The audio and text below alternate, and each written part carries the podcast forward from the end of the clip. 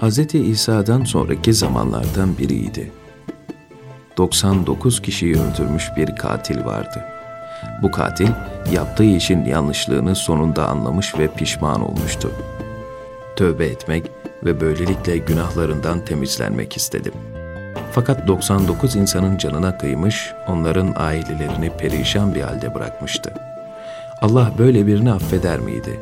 Affetse bile onun yolu neydi? Ne yapması gerekiyordu? Bunu mutlaka öğrenmeli ve alacağı cevaba göre hayatına sil baştan yeniden başlamalıydı. Sonra birden aklına bunu en bilgili din alimine sormak geldi. İçini bir sevinç kapladı. Bu bilgin din adamını nerede bulacağını soruşturmaya başladı. Ona en bilgili din adamı falan şehirde yaşayan rahiptir. Ondan daha bilgilisi yoktur dediler. Günahkar adam vakit geçirmeden yola koyuldu. Uzun, meşakkatli bir yolculuğun sonunda sözü edilen şehre vardı. Doğruca önceden bildirilen kiliseye gitti, rahibi buldu. Ona başından geçenleri kısaca anlattıktan sonra bugüne kadar 99 kişiyi öldürdüm. Şimdi çok pişmanım ne dersiniz tevbe etsem kabul olur mu? Allah beni affeder mi diye sordu. Ne yazık ki yaşayan en bilgili din alimi diye tanıtılan rahip gerçek bir din alimi değildi ilimden fazla nasibi olmayan, kendini daha çok ibadete vermiş abid biriydi. Cahil halk rahibin ibadetinin çokluğuna bakarak kendisini alim sanıyordu. Rahip karşısındaki adamın içinde bulunduğu durumu ve pişmanlığı kavrayacak ve ona göre yolu gösterecek ilim ve anlayıştan yoksundu. Allah'ın tevbe kapılarının kıyamet kopuncaya kadar açık olduğunu düşünemedi. Bu yüzden adama, hayır bu kadar günahtan sonra sizin tevbeniz kabul olmaz. Allah sizi asla affetmez dedi. Zavallı adam kızgın bir ateş gibi gönlünü dağlayan günahlarından kurtulmasının mümkün olmadığını duyunca adeta yıkıldı. Büyük bir ümitsizliğe kapıldı. Bunca yolu boşuna mı aşıp gelmişti? Bastırmaya, yok etmeye çalıştığı öldürme içgüdüsü birdenbire tekrar depreşti. Oracıkta rahibi de öldürdü. Böylece öldürdüklerinin sayısı yüze ulaştı. Adam yeryüzünün en bilgili din alemini bulmaya ve ondan Allah'a günahlarını affettirmenin yolunu öğrenmeye kararlıydı. Bu alimi aramaya devam etti. Ona başka bir şehirde yaşayan bir diğer rahibi tavsiye ettiler. Adam vakit geçirmeden gerekli hazırlığını yaptı ve yola koyuldu. Uzun bir yolculuktan sonra rahibi buldu. Yaşadığı üzücü olayları ona da kısaca anlattıktan sonra bugüne kadar yüz kişiyi öldürdüm. Yaptıklarımdan çok pişmanım. Ne dersiniz? Tevbe etsem kabul olur mu? Allah beni affeder mi diye sordu. Soruyu sorduğu rahip ileri görüşlü, aydın bir din adamıydı. Elbette tevbeniz kabul olur. Bundan daha büyük günah işlemiş olsanız da Allah sizi affeder.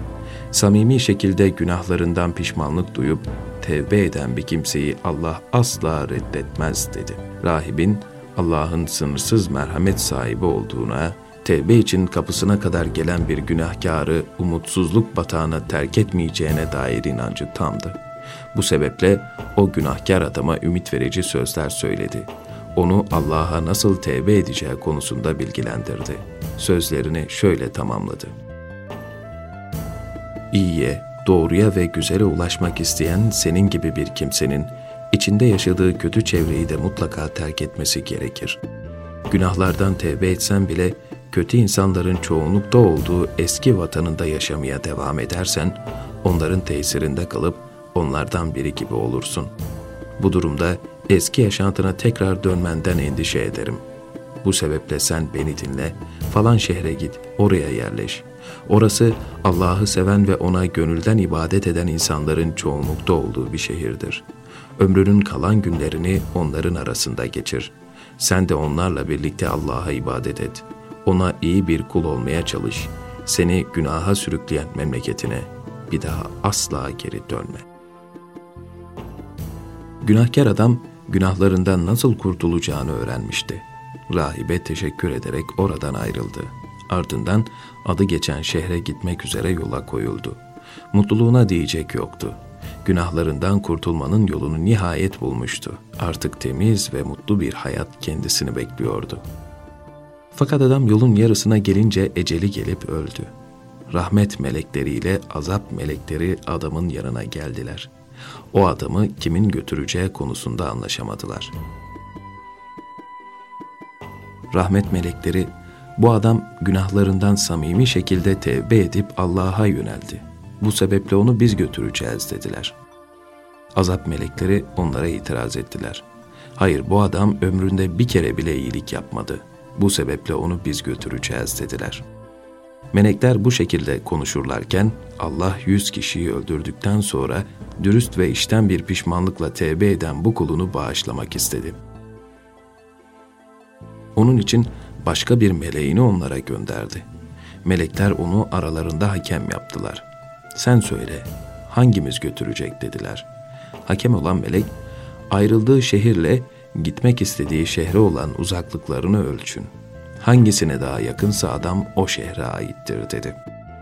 Melekler bu şekilde konuşurlarken Allah adamın ayrıldığı şehre, ey şehir sen biraz uzaklaş ve gitmek üzere yola çıktığı şehre de Ey şehir, sen de biraz yakınlaş diye emretti. İki şehirden biri uzaklaşıp diğeri yakınlaştı. Melekler her iki mesafeyi ölçtüler. Adamın gitmekte olduğu şehre bir karış daha yakın olduğunu gördüler. Bunun üzerine onu rahmet melekleri alıp götürdü.''